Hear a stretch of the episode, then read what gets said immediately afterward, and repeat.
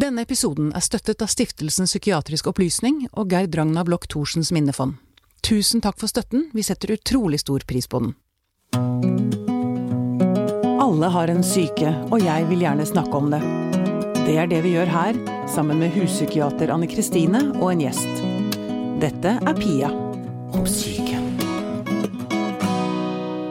Da skal vi inn i et vondt univers igjen, Anne Kristine. Ja, det hender vi, vi er innom der. Toucher innom der. Man må liksom det. Man må det. Ja. Mm. Eh, og kanskje noe av det jeg syns er vondest eh, ved det vi skal snakke om i dag, det er barn som ber om hjelp og ikke får det. Ja, det er nesten vanskelig å tenke seg noe Ja, ah, jeg blir så forbanna at jeg Ja.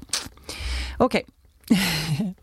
Men vi skal ønske velkommen til gjesten vår, Anne Bitz. Takk. Du eh, vokste opp i Danmark. Du har nettopp kommet ut med en bok eh, som heter 'Går du nå, er du ikke lenger min datter'. Det stemmer. Her forteller du veldig åpent om din barndom med en eh, alkoholisert og psykisk syk mor. Og en far som forgrep seg på deg. Mm. Em, aller først så um, lurer jeg på om du kan uh, fortelle lite grann om om deg som liten pike, og hva det var du gikk igjennom. Em, ja. Mm. Altså, jeg er jo født i Danmark på slutten av 70-tallet som datter av veldig politisk orienterte foreldre. Mm. Ehm, jeg er født på et tidspunkt i Danmarkshistorien hvor eh, det har vært en veldig sånn sterk sosial og politisk oppvåkning. eh, og eh, hvor foreldrene mine var aktive på ytterste venstre fløy. Mm. Eh, og i tillegg til at man hadde en forkjærlighet for Marx eh, og for røde strømper, så eh, var man også veldig glad i øl og veldig glad i vin. Mhm. Ehm, og for min mor, veldig tidlig, så har hun brukt alkohol som en form for uh, selvmedisinering av en udiagnostisert uh, bipolar lidelse. Mm. Så hun var jo relativt gammel eh, da hun ble eh, diagnostisert med det som da het mannens depressiv lidelse. Mm. Eh, hun døde i 2007. Eh, snart er det ti år siden. Ehm, og det var eh, rundt 2001 at, at hun fikk den diagnosen. Ja, nettopp. Så det var helt uh, yeah. mm.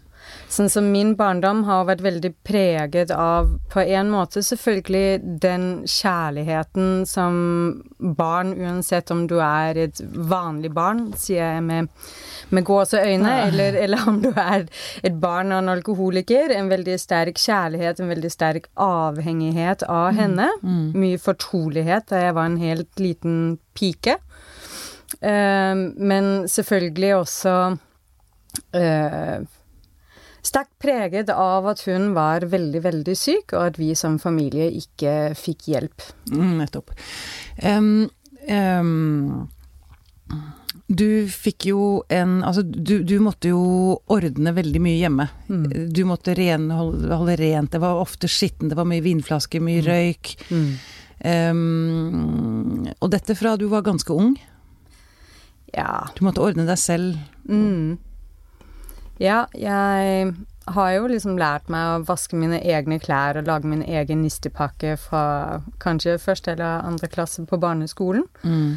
Eh, det ble forventet eh, at jeg skulle delta i husarbeid. Det tenker jeg det har jeg aldri tatt så veldig mye skade av. Eh, men eh, det var jo tidspunkter eh, i de periodene hvor mamma var veldig syk, både mentalt, men man blir også veldig syk av å drikke så mye.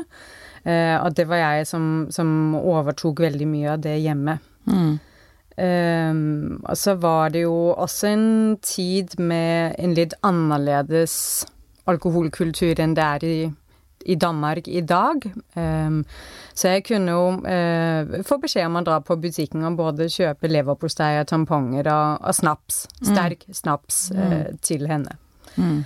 Um, så det har vært en del av barndommen. Mm. Jeg har vært med mamma og pappa på kro. Altså som en del faktisk uh, av min reise tilbake til Danmark uh, i fjor høst, hvor jeg gjorde research til boka, så, um, så klarte jeg å finne den kroa vi av og til oppsøkte, og egentlig er den stengt i dag. Mm. Eh, de har vært nødt til å stenge tappekranene fordi at nå har det kommet en strengere alkoholpolitikk fordi det ligger ute ved en landevei. Mm. Eh, og da kan man ikke så ofte uh, kjøre bil og drikke. Og da fant jeg i besøksboka deres mine egne små krokete uh, eh, barneskrift, hvor jeg liksom har eh, laget tegninger og takket for eh, det glasset med melk og de kjøttbollene jeg fikk eh, spise der, da, mens eh, ja. Når vi var på besøk. Ja. Så det har jo vært en del av hverdagen å være med til de voksnes fest alltid. Mm, nettopp. Og det var ganger du måtte mer eller mindre bære din mor i seng. Mm. Ja, mamma satt veldig ofte oppe med, på nattene og skrev. Og jeg har egentlig først i løpet av arbeidet med, med boka nå funnet ut hva det var hun satt og skrev på. Hun var jo arbeidsledig eh, lenge eh, etter at vi eh, flyttet sammen med pappa da jeg var fire. Eh, han var jo en gift mann da hun ble gravid med meg. Hun var alenemor de første årene. Um, så hun var mye alene. Uh, også uh, da hun flyttet sammen med pappa. Mm. Uh, de hadde ikke et særlig nært eller et særlig varmt forhold, så da har hun vært mye alene oppe på nettene og sittet og, skrevet. skrevet, og, og drukket. Mm. og noen ganger så mye at jeg liksom fant henne liggende over skrivemaskinen. Den mm. gangen hadde vi ikke datamaskin, da var det gammeldags skrivemaskin. Mm. Um, og så var det sterke humørsvingninger. Ja, det var det. Mm. For hun var Hun hadde også lyse sider. Mm. Hun sa hun var glad i deg, mm. mens andre ganger så var det ikke så lyst. Nei. Det må ha vært veldig uforutsigbart for deg, er det mm. vi frem til. Ja, det har jo på en måte utviklet seg over tid. Mm. Um, jeg tror jeg skriver et sted i boka at på 80-tallet, uh, eh, da jeg var helt liten, så var hun oftere kanskje uh, lei seg, men kunne også være fryktelig glad, og viste meg likevel omsorg og, og interesse, og vi var nære og fortrolige ut på 90-tallet, etter hvert som jeg begynner å eh, bli en tenåring med mye egen vilje, som er lei av å ta meg henne, eh, da begynner hun eh, å reagere med vold og mye sinne og mange sånn kraftige eh, følelsesutbrudd. Mm. Eh, jeg tror det har vært veldig vanskelig for henne at jeg ville frigjøre meg, for mm. hun var fryktelig avhengig av meg. Mm. Eh, ja. Mm. En liten parentes, det er mange ting jeg har lyst til å ta opp med Anne Kristine etter hvert nå, men dette med denne avhengigheten, det er vel ikke helt uvanlig? Nei, og det, det du forteller, det er, det er, jo noe som flere eh, barn beskriver. Mm. Eh, og det er faktisk en av de tingene som kjennetegner litt det å vokse opp med en, med en forelder med bipolar lidelse. Mm. Det er den derre voldsomt tette bindingen. Mm. Og det litt grenseløse involveringen. Altså det der at man blir involvert i voksenting mm. som barn ikke egentlig trenger å bli involvert i, eller ikke bør involveres i. Mm. Eh, fordi at det er jo en av de tingene som skjer under en manisk periode. Det er jo at man, altså man mister litt gangsynet. Og, og blir litt grenseløs. Mm, mm. Så, så det, det tror jeg nok at flere vil kjenne seg igjen i, det du beskriver. Og det er jo på en måte så oppleves det hyggelig, men som du sier, når det ikke da går an å løsrive seg sånn som en ungdom skal, så blir det jo veldig vanskelig. Mm. Men jeg må bringe inn um, det andre sterke vonde elementet her. Fordi da du var 12-13, så uh, begynte din far å interessere seg for deg seksuelt. Mm. Han forgrep seg på deg. Mm. Mm. Og du beskriver det i boken som at første gangen så var det som om du ikke trodde det Mm. helt. At det var andre gangen det virkelig du mistet barnetroen din. Mm. Um, ja, jeg jeg, jeg, vet, nesten ikke hvor jeg skal begynne hen. Um, fordi det er et sånt Det er et sånt tillitsbrudd. Og spesielt når du allerede var såpass sårbar som du var, da. Mm. Med din mor. For hun hadde også mange forhold. Det, det var bare generelt veldig ustabilt. Mm. Veldig ustabil, uh, ustabilt liv for deg. Um, um, hva, kun, hva, har du lyst til å si om dette med incesten? Med overgrepene av din far? Fra din far? Jeg har jo måttet gå ganske mange runder i denne boka for å finne ut av hvordan jeg kan skrive om det på en måte som gjør at folk de forstår nettopp dette med at det er et tillitsbrudd. Mm. Um, jeg har hatt et ønske om også å beskrive pappa som et menneske. Mm. Uh, fordi hadde han vært en helt holdt på å si en, en, person som jeg ikke brydde meg noe om, hvis han hadde vært et sadistisk monster, så ville man kanskje mye enklere kunne kategorisert det som et sånn krystallklart overgrep. Uh, man ville kanskje eh, ikke ha slitt så mye med selvfølelsen, tenker jeg. Mm. Um, for det er tydeligere, for det, det har, vi har snakket om det der før, at det er nesten verre. Altså en overfallsvoldtekt mm, kan man forholde seg til på en enklere måte enn en som er nær og kjær, mm, som gjør det samme. For det, det er eh, Det går på tvers av så veldig mye av det vi tror og er, liksom. Altså, som du Mm. sier, selvtilliten, det er vel den som Selvfølelsen, selvbildet, alt blir jo forrykket på en eller annen måte. Nå ser jeg bort på Anne Ja, Kristine. altså, det som kommer inn som en kompliserende faktor, det er jo nettopp det at man har gode følelser for Mm, ja, ikke sant. Man er glad i vedkommende, og man er avhengig. Man er i en relasjon som man ikke kommer ut av. Og så er det jo som du sier om det, den første gangen at du ikke skjønte hva det var som skjedde, og det er jo veldig, veldig vanlig. Ja, altså, hvor, hvordan skal barn forstå at det er feil? mm, Det er jo den voksnes ansvar, så når den Mm. voksne ikke har det, tar det ansvaret, så kan jo barn være med på det, og det behøver jo ikke å være vondt. Det behøver jo ikke å være direkte ubehagelig. Det kan bare være en sånn tanke om at hva er dette for noe?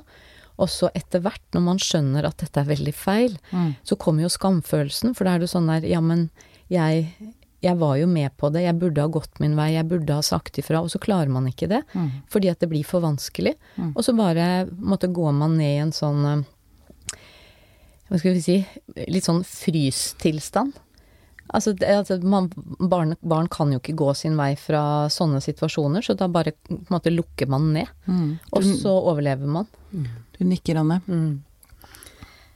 Ja, det er jo sånn jeg erindrer den opplevelsen, og jeg, jeg erindrer det veldig, veldig klart hvordan det var å ligge der. Nå syns jeg det er viktig å få understreket at at det dreier seg ikke om, om voldtekt, altså, men, men, det dreier seg om, om incest. Det dreier seg om to tilfeller av veldig grenseoverskridende eh, seksuell atferd eh, i, i, form av seksuell beføling på, på kjønnsorganer. Um, og grunnen til jeg tar opp det, er kanskje igjen dette du sier med hva er det vi egentlig forstår ved overgrep? Den Ja. sånn krystallklare eh, Hva er det som skal til for at man som offer identifiserer at noe er et overgrep? Mm. Og da tar man jo gjerne utgangspunkt i de kollektive oppfattelsene eh, vi har tilgjengelig i samfunnet vårt. Eh, hvor det at det er Hvis det er en fremmed som har begått det, hvis det skjer på et eh, offentlig sted, hvis man ikke på noen måte har oppført seg som, på en måte som kan så tvil om at dette var ikke noe man ønsket, ikke mm. noe man ville, eh, så er det enklere å plassere skyld mm. der den hører hjemme. Mm. Men når man er et lite barn, og det som foregår ikke er en voldtekt, men noe som til forveksling Altså ikke en eh, penetrering, er det ikke, du mener? Ja, mm. ikke en penetrering. Mm. Men noe som til forveksling kan minne om kjærtegn, Når det skjer mm. med den personen som har lært deg å sykle. Som har lært deg å slå i spiker. Som har lest matte sammen med deg. Som du har eh, sittet på fanget til. Ja. Som du har vært nær. Ja. Mm. Eh, så Jeg vet ikke. Det er som om verden bare forrykkes. Mm. Som om at vedkommende bare blir en helt, helt annen person. Mm. At mm. den personen man har spist frokost med hver dag gjennom et helt liv, plutselig er en annen. En du ikke kan stole på. Mm. Men grunn Jeg kunne jo kanskje Noen vil jo si at det overgrepet han har begått mot meg Mange vil jo liksom si at det har jo vært en bok i seg selv, og hvorfor er det jeg ikke har eh, skrevet bok om incest, i særdeleshet når jeg har forsket på seksuelle overgrep så lenge. Men for meg har alltid hans overgrep vært en parentes. Og det er det nok mange som ikke vil forstå. Akkurat, akkurat. For meg har det verste sviket alltid vært at mamma ikke klarte å ta vare på meg etterpå. Mm. Ja, for det, det, jeg har lyst til å bare lyst å, å, å, å, fortelle Eller at du forteller den historien nå, fordi din mor reagerte med å begynne å kalle deg for hore. Mm. Det var en glidende overgang. Hun sa ikke det med en gang, men hun antydet eh, Altså, jeg gikk jo med dette her for meg selv i et halvt års tid. Ja, nettopp. Det tok en stund før du fortalte det til henne. Mm. Stemmer. Mm. Eh, det skjedde på en sommerferie i 1992, eh, da jeg var 13 år gammel, og først på bursdagen min samme år eh, gikk en venninne til henne og fortalte om det. Mm. Og først så ble hun helt sånn vantro og fryktelig lei seg og veldig sint på pappa. Mm.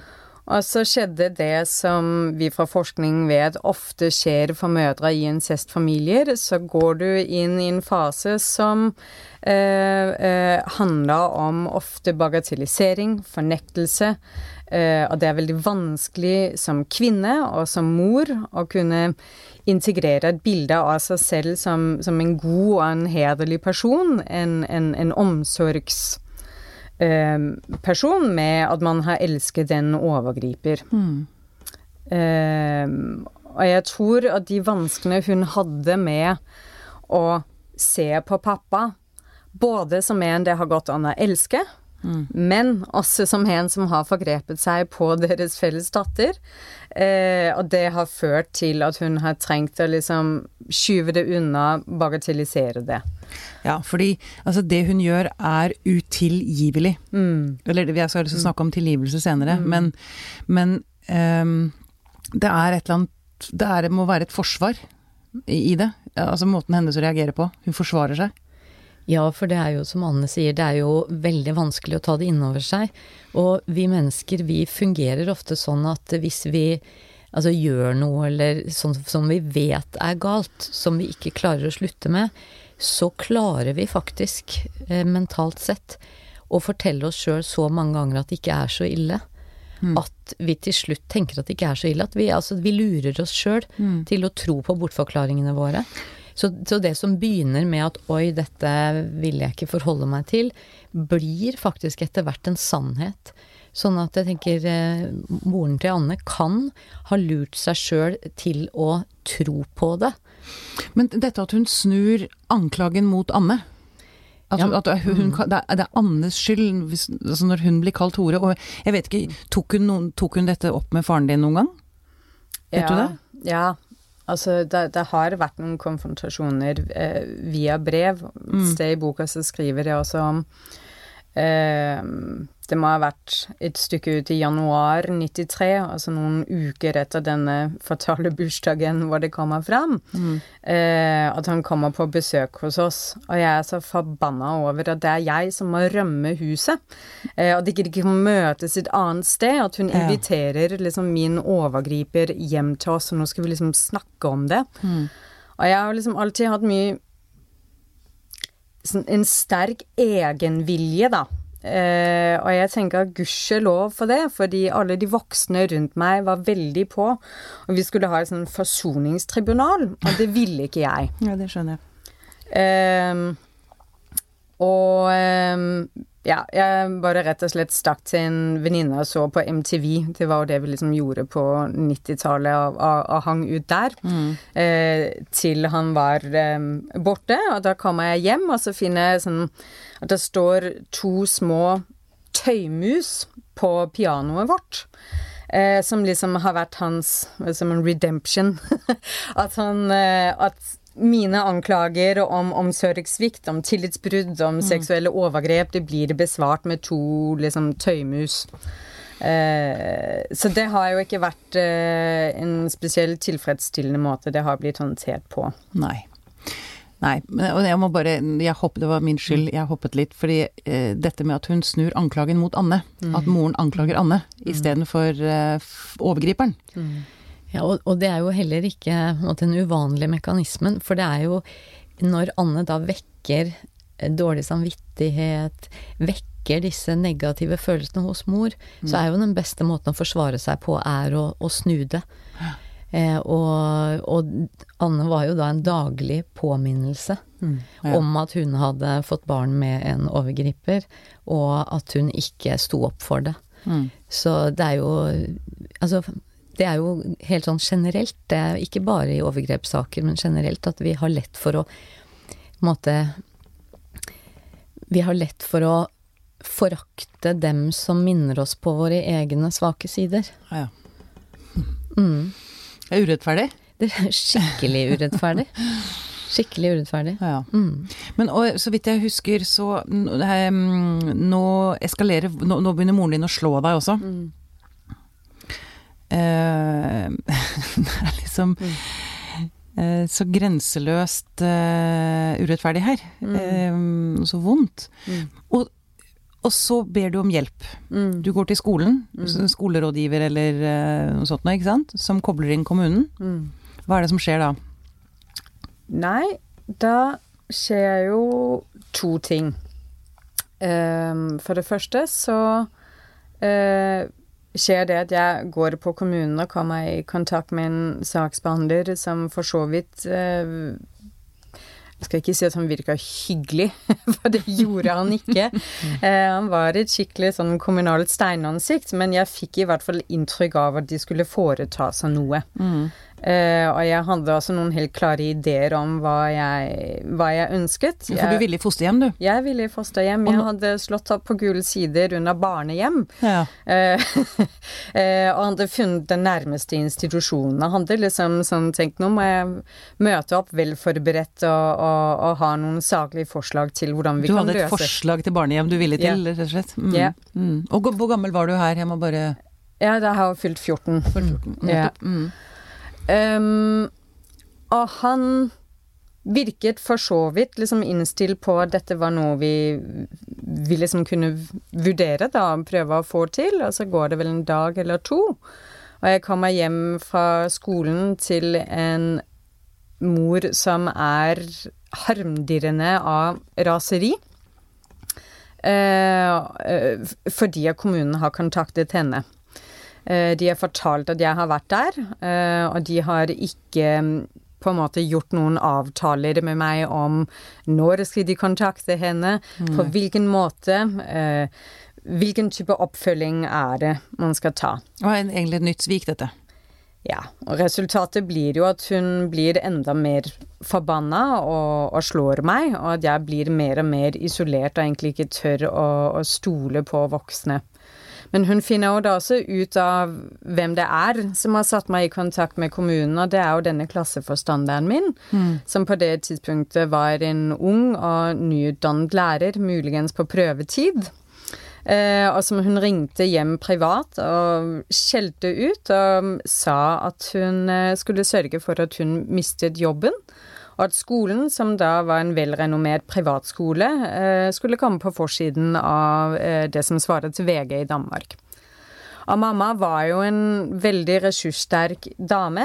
Høy akademisk utdanning. Hun eh, kunne offentlighetsloven. Eh, hun kunne liksom ordet som barns beste, og eh, eh, hadde et veldig, veldig sterkt vokabular. Mm. Og visste å snakke folk i lavere klasseposisjoner ned. Eh, så det var jo eh, eh, rett og slett altså telefontrusler som gjorde at hun klarte å få lagt denne saken død. Ganske ikke... manipulativ også, rett og slett. Altså hun klarte å styre mennesker dit hun ville. Ja, det vil jeg si. Eller skremme mennesker, skremme, da, fordi mm. hun hadde mm, Altså, jeg tror ikke hun Når du sier manipulativ, så tenker jeg at det ligger i sånn um, et ønske liksom fra hennes side om nesten å gjøre meg vondt, eller bare å få det som hun ville, men jeg tror ikke hun har visst egentlig hva som var verket sitt eget beste eller mitt beste, da. Nei. Men hun hadde et voldsomt temperament, og en veldig liksom Altså, hun var veldig lett krenkbar. Mm. Eh, eh, men egentlig utrolig skjør, og, og eh, hadde det ikke noe bra, ikke mm. sant. Mm. Så hun trengte jo å holde denne fasaden intakt for å kunne se på seg selv som et hederlig menneske og en god mor, da. Ja. Men det, dette altså, førte til at du fikk aldri noe hjelp? Nei. Du fikk noen timer hos en psykolog, mm. men ja. Så du ble værende i dette hjemmet mm. til du Var 18, 18 mm. og 18 og en uke. ja, akkurat. Det var, det var rimelig jeg var, jeg var hjemme så lenge jeg, jeg trengte. Mm. Mm. Mm. Men du, tittelen mm. 'Går du nå, er du ikke lenger min datter'. Mm. Var det en trussel din mor kom med, eller? Ja, altså det skjedde jo knapt en uke eller to uker ja, i romjula eh, 1996, kort tid etter eh, 18-årsdagen min, eh, under en krangel hvor jeg nå har vi jo hoppet ganske elegant liksom over eh, store deler av ungdomstiden min, for det ble mindre fysisk vold. Hun sluttet etter hvert med det, men det ble mer psykisk vold og mer liksom sinnrike forsøk på ulike sånn, typer kontroll, da. Mm. Uh, og noe av det hun gjorde på den tiden, var f.eks. å nekte meg å dra på besøk uh, til venner, og det skjedde også denne kvelden. Uh, at hun ville nekte meg å dra til en venninne. Det var i romjula. Vi hadde ingen familiebesøk eller andre ting vi skulle dagen etter, men hun hadde liksom fått for seg at nå måtte jeg oppdras på.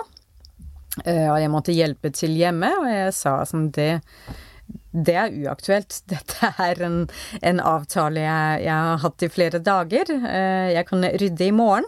Eh, men jeg gjør ikke det nå. Nå må jeg gå for å rekke det toget. Og hun ble jo i vant stil full av avmakt. Veldig, veldig rasende, og hennes måte å uttrykke sin avmakt på er jo å utøve makt. Mm. Så da sa hun rett og slett eh, i et veldig sånn opphetet eh, øyeblikk eh, disse berømte ordene som da har blitt bokas tittel, mm. at 'går det nå, er du ikke lenger min datter'. Mm. Traff det? Det er i hvert fall ord jeg aldri har glemt. Mm. Det er kanskje dumt å spørre i og med at det er tittelen på boka di, men Men på en måte så var jeg jo, som jeg også beskriver i boka, nummen. Så det traff jo ikke Det var ikke noen effektiv trussel. Nei. Eh, det traff på den måten at jeg tenkte sånn Nå er det nok.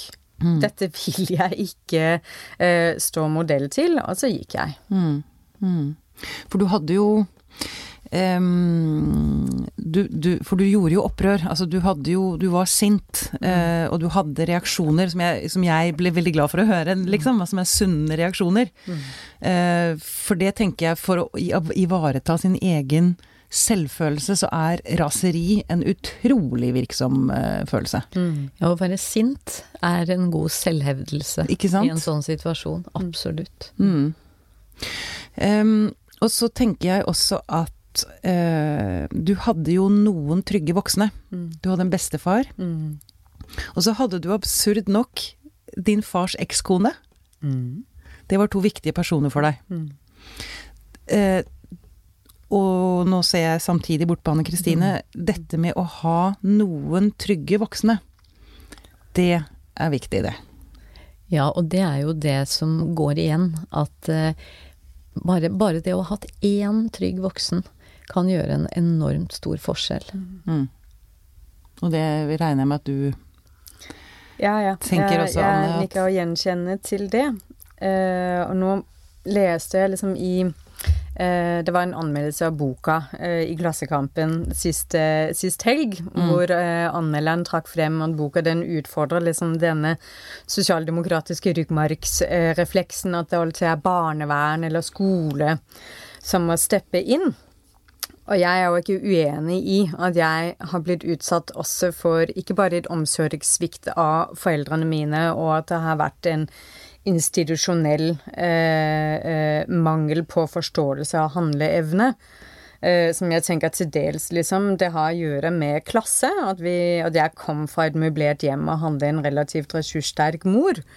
Uh, og mange av de barna, hvis vi skal se bort bare altså, for et øyeblikk fra meg Mange barn fra middelklassen og overklassen vil nok liksom forsvinne helt under radaren uh, til liksom sosiale hjelpetjenester, til det offentlige. Og jeg vet ikke hvor mye Nå er jeg kanskje utrolig kynisk. Uh, livet har lært meg, og det det kan man av og til trenge å være. Eh, og hvis de barna aldri noen gang vil få hjelp fra det offentlige fordi de har en tendens til å fokusere bare på det aller groveste, det betyr at alle andre har et sivilt ansvar. Det er ikke sikkert at min sak noen gang ville vært sterk nok eh, til en omsorgsovertakelse. Det regnes som et veldig drastisk virkemiddel. Mm. Og av den grunn så må faktisk vanlige borgere eh, holde liksom øyne og ører åpne. Mm. Det trenger ikke å være så mye. Eh, det kan være å invitere et barn på en kopp kakao. Det kan være å liksom møte opp på døra og si 'Kan jeg ikke få lov å ta eh, eh, Emma eller Noah?' Mm. med i med på kino, eller at man mm. på en måte gjør noen aktiviteter. At man på en måte skaper bånd mm. som gjør at hvis det virkelig brenner på hvis mor har tatt en overdose, eller hvis volden eskalerer, at det barnet føler at det kan henvende seg et sted. Mm. Eh, ja, og ikke minst kanskje også rett og slett sette seg ned og si hvordan har du det egentlig? Mm. Altså åpne, si at man er tilgjengelig for mm. uh, for en dialog, eller at man er der for å ta imot det som måtte komme. Ja, og kan si hvilken som helst voksen kan jo vise et barn at det finnes voksne det går an å stole på. Mm.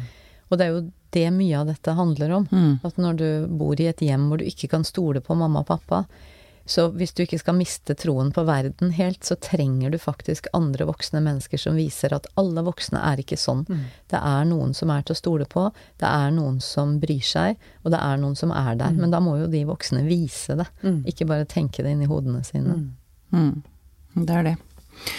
Um, du skriver at du på et eh, Jeg vet ikke om det fortsatt gjelder, men du tviler på om foreldre alltid vil sine barn det beste, og om de gjør, om de gjør sitt beste. Mm. Mm.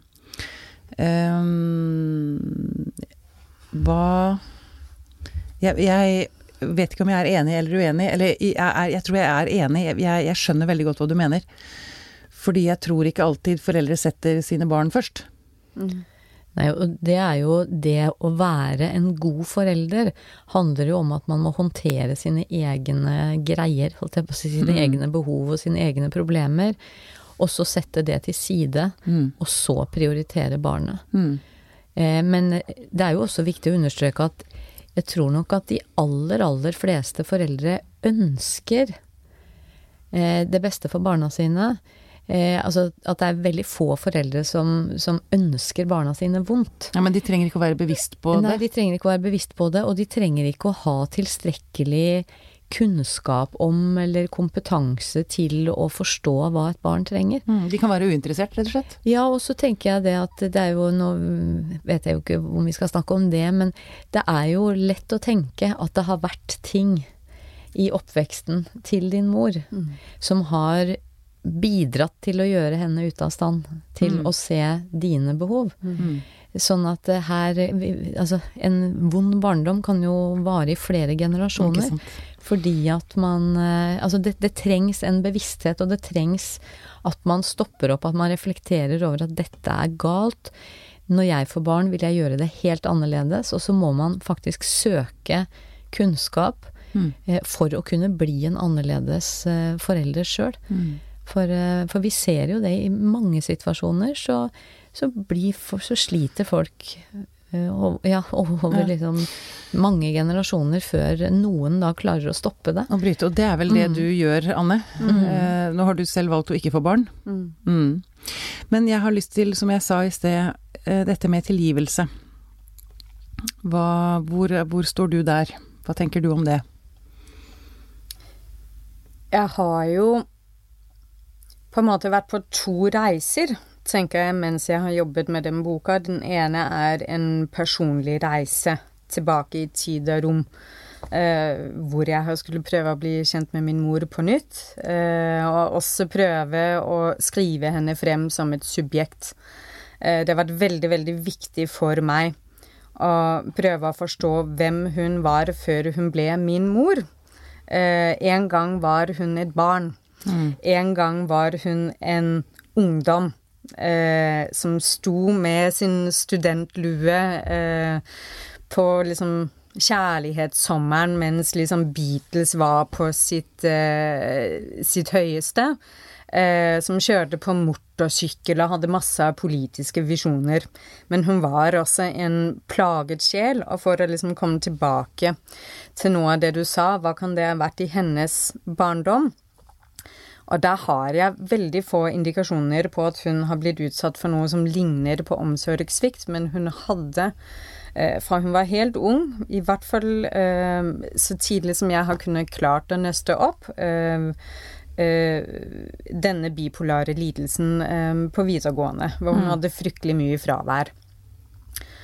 Og mine besteforeldre var veldig elskelige mennesker. Men de fikk henne også i veldig sen alder og har ikke satt mange grenser eh, for henne. Mm. Og da tenker jeg, er det noe du trenger hvis du har psykiske lidelser? Så er det kjærlige, omsorgsfulle voksne, men som også kan hjelpe deg eh, å, å avgrense deg mot omverdenen. Og i hvert fall når du er ung i en grenseløs kultur, mm. eh, som det hun jo var. Ja. Og det, for å komme inn på dette med tilgivelse Jeg kan kanskje tilgi henne som menneske, men jeg kan ikke tilgi de handlingene som hun og alle de menneskene som sto rundt, har begått. Mm. Så jeg har liksom prøvd å holde det følelsesmessig og også analytisk atskilt. Og ikke redusere mennesker bare til hva, hva de gjør. Eh, noen ganger får man ikke til å gjøre det, det man ønsker. Man får ikke til å være en like god forelder som det, det man skulle ønske. Og hun ba jo også om tilgivelse eh, mot slutten av livet og skrev brev og var fryktelig lei seg. Jeg mm. så at hun, at hun prøvde å gjøre opp for seg. Men hun var også på det tidspunktet blitt så avhengig, eh, fysisk avhengig av den eh, alkoholen, at hun fikk ikke til. Hun prøvde mm. stadig, men det gikk ikke. Mm. Mm. mm. Det, jeg, det, blir personlig for meg, selvfølgelig, men dette med Man trenger ikke å være som din mor selv om man er bipolar. Mm i og med at det er min lidelse, så har jeg bare lyst til å Altså eh, ja. Det, jeg hadde bare lyst til å si at ikke heng alt på en sånn type lidelse, liksom. Mm. Nei, og det er klart det er jo Altså det blir jo et sammensurium av sykdom og erfaringer, mm. og ikke minst hvordan man eh, håndterer sykdommen. Mm. For problemet blir jo når man ikke forstår og erkjenner at man har en sykdom, og hva de symptomene eller hva den sykdommen kan gjøre med relasjonen til barna. Mm.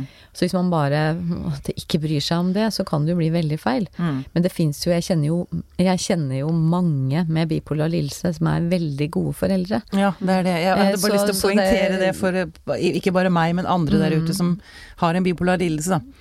Men det som også jo er en forskjell, er jo at du sitter her i dag og er åpen om det. Du lager podkast. Du sitter ikke alene i et hjørne langt ute på landet og skammer deg med en Nei. flaske uten å få kjærlighet, uten å strekke ut en hånd. Det var det hun gjorde. Hun satt alene og skammet seg, og derfor trengte hun å ha den fasaden. Og når jeg da plutselig blir dette eh, eh, Denne utagerende ungdommen eh, som minner henne om, om alt det hun ikke får til, så er det den reaksjonen kommer, da, tenker jeg. Men mennesker som har en vilje eh, til å gå i seg selv, som ikke vil sitte og skamme seg alene, og som har en evne til å strekke ut en hånd og be om hjelp, kan jo være eh, Også hvis man eh, går i terapi og blir medisinert, kan jo være veldig velfungerende mennesker. Ja. Men jeg, jeg, jeg hører liksom Jeg hører også, som jeg var inne på, altså, eller les, leser en del manipulative trekk, blant annet, hos henne. Eh, så, som liksom Ja, jeg bare Sånn, ferdig. Nei, men, nei, men det er jo, det er jo viktig å, å nyansere, og det er jo ikke sånn at en Altså at man kan måtte unnskylde eller forklare alt med en sykdom. For det handler jo også om at man har et ansvar for hvordan man håndterer den sykdommen. Ja, man har bare altså, Man har en personlighet i tillegg. Ja, og vi har ganske strenge krav i rettsvesenet for å si at folk er utilregnelige. Mm. Altså da snakker vi om alvorlige psykoser. Ja. Og inntil det så har faktisk folk en fri vilje Og et eh, ansvar. og et ansvar Ja. for å håndtere livet sitt. Ja. Du, til slutt, Anne. Um, hva håper du at denne boken skal eh, bringe til mennesker? Hva, hva, hva er ditt ønske for boken? Altså, jeg har jo hatt lyst i hvert fall til to ting. For det første har jeg lyst, uh, hatt lyst å på en måte gi rusavhengighet uh, og psykisk lidelse et menneskelig ansikt. Uh, det har vært vanskelig for meg noen ganger. Jeg merker at du er skikkelig forbanna på henne mens, mens vi sitter her. Mm. det, det er det mange som er, men jeg er jo fremdeles min mors datter. Jeg, jeg, jeg kjenner at det er sånn åh, jeg vil på en henne måte nesten, nesten ta henne litt i forsvar. Uh, men jeg har jo på, jeg har på et sånn helt individuelt personlig plan hatt behov for å forstå. Ikke for eh, å tolerere, eh, men bare for å forklare, så vi kan forebygge eh, at andre barn skal kunne gå igjennom det samme som, som jeg har opplevd. Og da tenker jeg at det er helt nødvendig eh, at vi gir rusmisbruk og psykiske lidelser et menneskelig ansikt. Og det gjelder for så vidt også pappa, incestovergriperen, at det er ikke bare monstre liksom, som begår det her. Vi er nødt til å se på en måte menneskene bak de onde handlingene, eh, så vi kan gjenkjenne det også eh, når det foregår i våre egne miljøer. For selv om vi vet at vold mot barn, omsorgssvikt, seksuelle overgrep Det har en tendens til liksom å hope seg opp eh, i familier, i miljøer, eh, med det man liksom kaller problemopphopning. Ikke sant? At det er lav utdannelse, svak tilknytning til arbeidsmarkedet. Eh, Dårlig økonomi. Dårlig økonomi, rus, eh, egen utsatthet for vold i oppveksten. Eh, men det forekommer også i middelklassen, i overklassen, steder man kanskje ikke helt hadde forventet at det skulle skje. Mm. Og man må gripe inn som enkeltindivid, og sekundært eh, også eh, eh, som sosiale eh, myndigheter. Eh, det har man en plikt til. Eh, og jeg tror uh, at, at mange kanskje ikke er helt klar over det. Så jeg har ment å liksom prøve å røske litt tak i, i vanlige folk, og så selvfølgelig også de myndighetene som har ansvaret for å ivareta ikke bare underklassens barn, men alle barn. Mm. For det er rett og slett Og det er et, altså, det er et forebyggende, veldig viktig arbeid. Altså, og det er folkehelsearbeid. folkehelsearbeid. Altså, det er jo ingenting som gir så mye psykisk uhelse som en dårlig oppvekst. Mm. Og sant. overgrep og omsorgssvikt og ja. Mm. Veldig bra. Da ønsker vi boken din en god reise der ute. Jeg håper den treffer mange. Um, Anne Bitz, er det noe du har lyst til å si helt avslutningsvis? Nei. Tusen takk for at du kom, har jeg lyst til å si, da. Avslutningsvis. ja det syns jeg vi må Veldig- si. Takk for at du kom. Takk fordi jeg fikk komme.